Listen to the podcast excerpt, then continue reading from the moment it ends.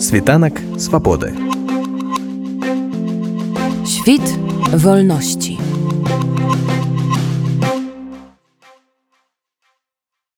Святлана Ціхановская там сустрэлася з былым прэзідэнтам Украіны Пятром Парашэнкам. У сеціве імгненна адрэагавалі крытычна і падозрана.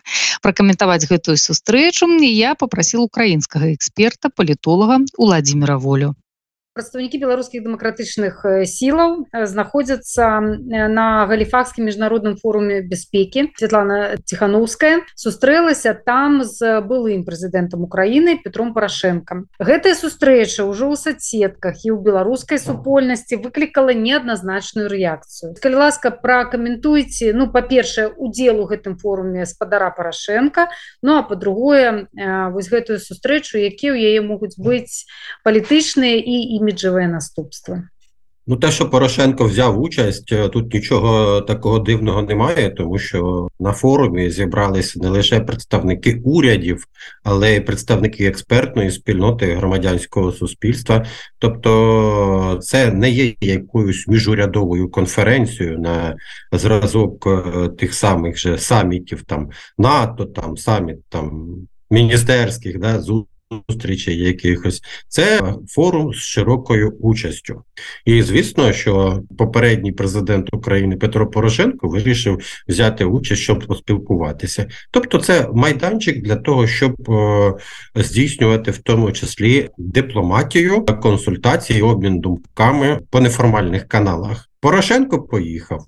Які результати е, конкретно для України від його участі, я не готовий сказати. Те, що він взяв там участь, ну захотів взяти взяв. Та він не був делегований е, від української держави, тому що він все таки колишній президент. А якщо говорити про участь саме посадових осіб української держави, то е, як мінімум там був виступ президента Зеленського, був виступ керівника офісу президента пана Єрмака. Головні посадові особи української держави взяли участь в цьому форумі онлайн. Всі інші я не знаю, чи були представники українських міністерств там, але експерт представники експертної спільноти були. Те, що відбулася зустріч е, Порошенка і Тихановської чи Тихановської Порошенка, насправді нічого такого поганого в цьому немає. Якщо хтось думає, що це якісь іміджеві наслідки матиме, можливо, ці люди, які таке говорять, вони міркують, е, виходячи з е,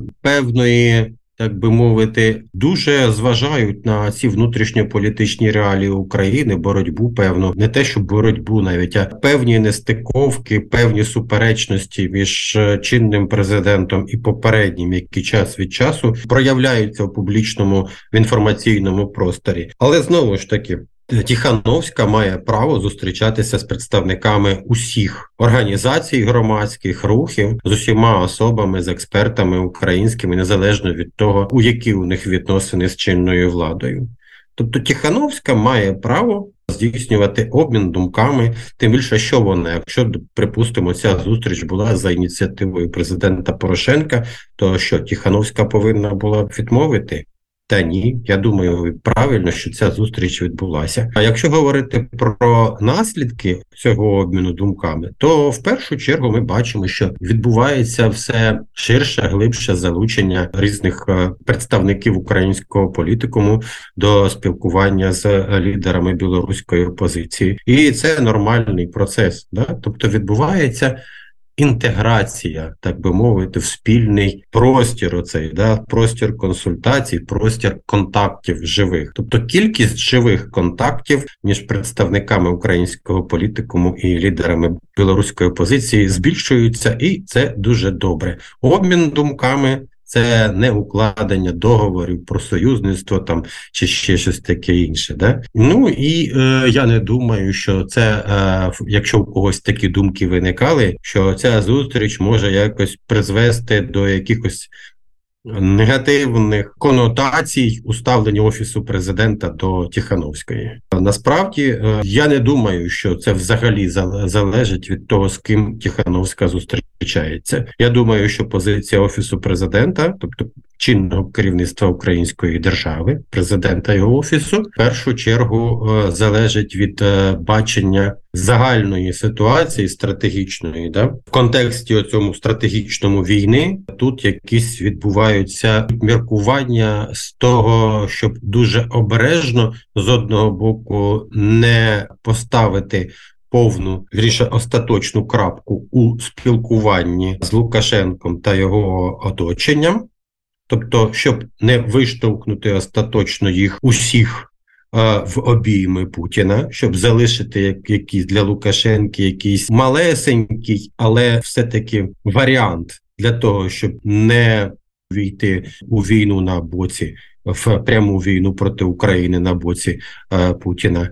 А з іншого боку, ми бачимо, що Лукашенко вже і так зайшов дуже далеко, в тому, що білоруська територія вже надана була і надається для нанесення ударів по території України, по об'єктах на території України.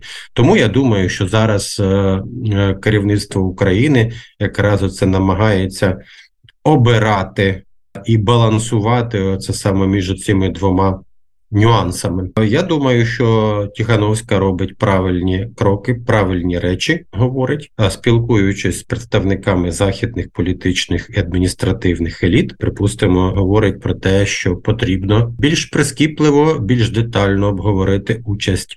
Режиму Лукашенки у війні проти України насправді я думаю, що з українського боку це теж, теж потрібно було б вже почати певний час тому акцентувати і виносити е, обговорення участі Білорусі окремим питанням на Радбез ООН і на різні міжнародні майданчики, щоб е, Почати е, в тому числі на генасамблею ООН резолюцію, тому що ми бачили, була були резолюції генасамблеї ООН з приводу конкретно Росії. Це і 2 березня резолюція, яка приписувала, що Росія повинна зупинити військові дії, вивести свої війська з території України в межах 1991 року. Думаю, що потрібна окрема резолюція. Вже назріло це питання відносно Білорусі, щоб від е, міжнародної спільноти е, можна було спробувати акцентувати певні моменти. Той самий Європарламент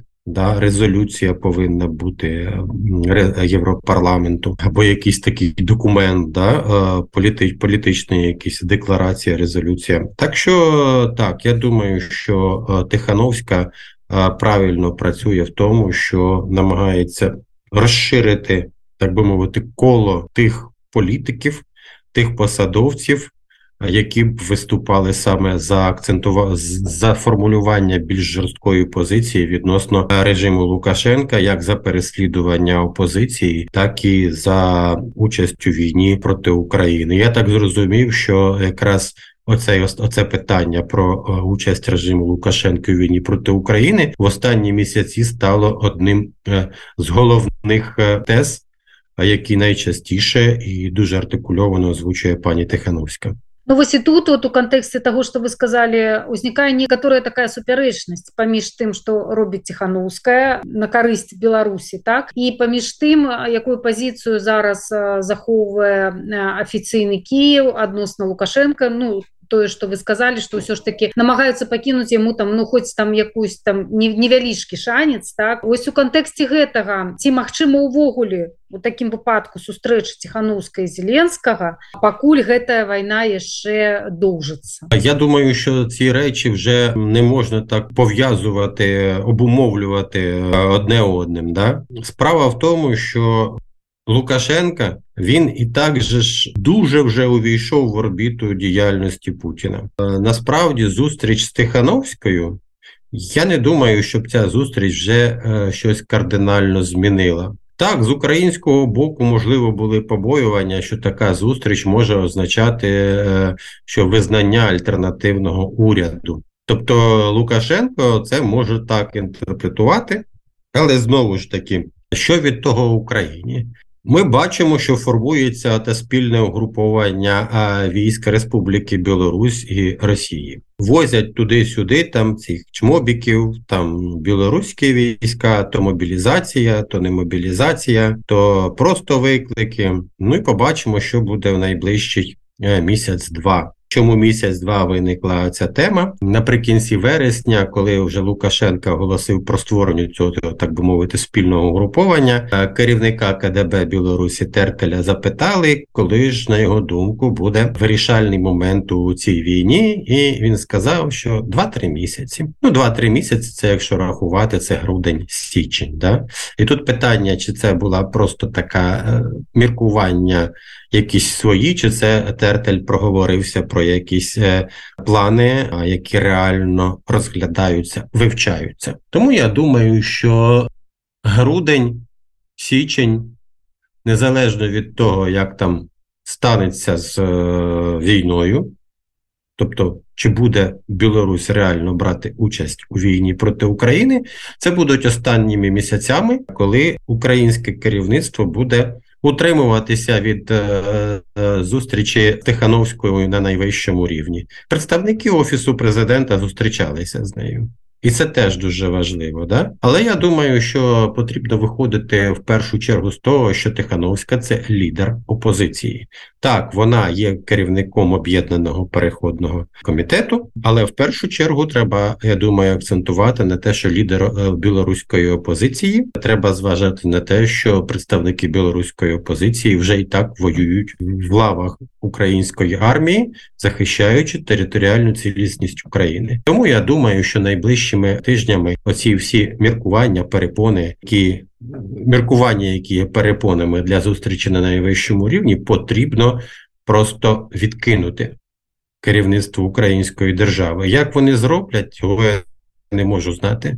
Але я я б на місці Зеленського принаймні вже не зважав на те, чи буде, чи не буде Білорусь брати участь у війні. Ну, нехай вона зробить. Натомість, я думаю, що треба Україні більш активно, як я вже сказав, це знову ж таки моя думка експертна, що треба більш активно просувати питання розгляду е, участі Білорусі у війні і компенсації збитків, як е, на рівні різних міжнародних інституцій, так і на рівні ООН, щоб можливо навіть провести через е, спроб обговорити це питання на Радбезі ООН. Звісно, що не буде підтримки по цьому питанню від Росії і Китаю, але сам факт обговорення да і нюансів оцих він повинен би стати інструментом, щоб спрямувати певне послання білоруській спільноті, білоруському народу. Що дивіться що над вами вже не просто якісь там розмови експертів чи політиків,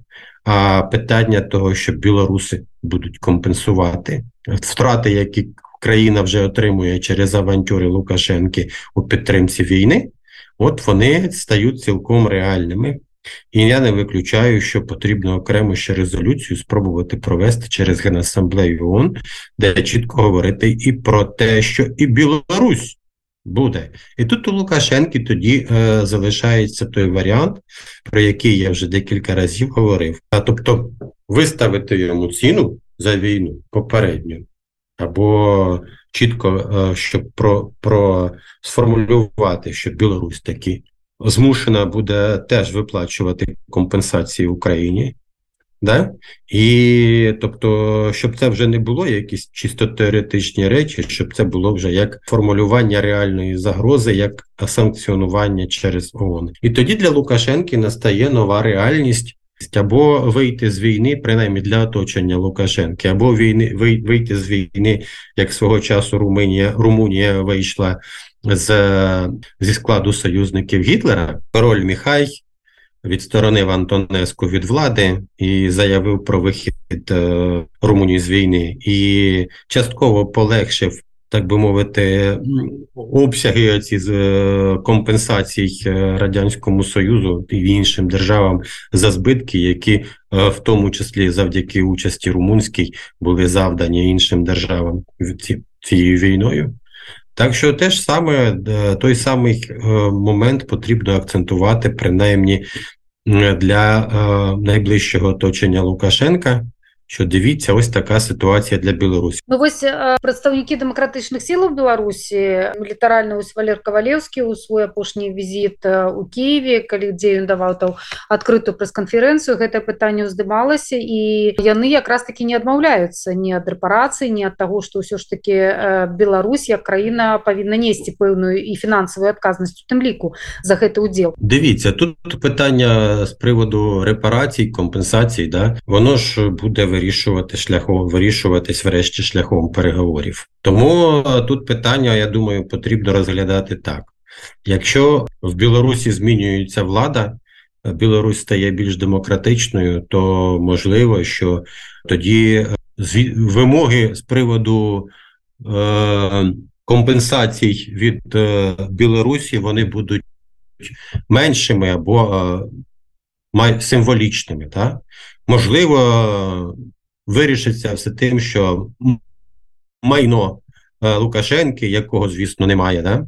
як він розказує, його родини, його там найбільш е, затятих е, помічників буде конфісковано і передане. Так? А варіант, коли війна закінчується і Лукашенко залишається в кріслі, тобто Білорусь виходить з війни, варіант малоймовірний, але все ж таки то буде, то тоді вже питання буде про те, що дійсно не варто очікувати е, послаблень з українського боку в переговорах відносно е, визначення розмірів компенсацій і чим саме будуть ці компенсації здійснюватися. Справа в тому, що багато хто зараз це питання всерйоз е, докладно не розглядає, але звертаю вашу увагу, що коли говорять про переговори, перше це переговори про припинення війни, про перемир'я. До речі, ось 11, 11 листопада, день, коли завершилася Перша світова війна, завершилася вона тоді, коли е, було підписане Комп'єнське перемир'я, яке визначило час припинення бойових дій вогню. Для того щоб це ком- Комп'єнське перемир'я укласти, тобто угоду про перемир'я, теж йшли з приводу цього переговори. А потім були ще окремі переговори, консультації з приводу визначення е, розмірів репарацій і умов укладення миру, тобто укладення договору, який би означав завершення війни де юре. Завершення війни де-факто це завершення бойових дій, але знову ж таки, е, переговори про верніше, пролонгацію цього перемир'я здійснювали декілька разів. Тобто пройшов певний термін, на який діє перемир'я, і держави Антанти могли б поновити військові дії, але домовились про продовження перемир'я. Тобто обійшлося без відновлення бойових дій. Але завершення війни це укладення договору про врегулювання всіх питань, пов'язаних в тому числі з репараціями. Тому е, фактично. Оце питання про е, завершення війни, переговори, е, вони і визначають, е, з ким переговори ведуться, да? яка позиція переговорної сторони, відносини між ними, і, звісно, обговорюються якраз обсяги репарацій і чим конкретно вони надаються. Ну і інші умови, там демілітаризовані зони і таке інше. І це треба теж акцентувати, в тому числі для білоруського народу, щоб він е, не розглядав опозицію білоруську як тих, хто хоче прийти до влади, щоб пропаганда Лукашиська цього не розповідала, да? е, не спотворювала, що, начебто, хочуть прийти до влади, щоб ви- щоб з Білорусі гроші, якісь компенсації комусь віддати. Тому потрібно правильно акцентувати позицію і говорити, що якщо білоруська опозиція буде при владі, то позиція по репараціях по відношенню до Білорусі буде м'якшою. Світанок свободи. Świt wolności.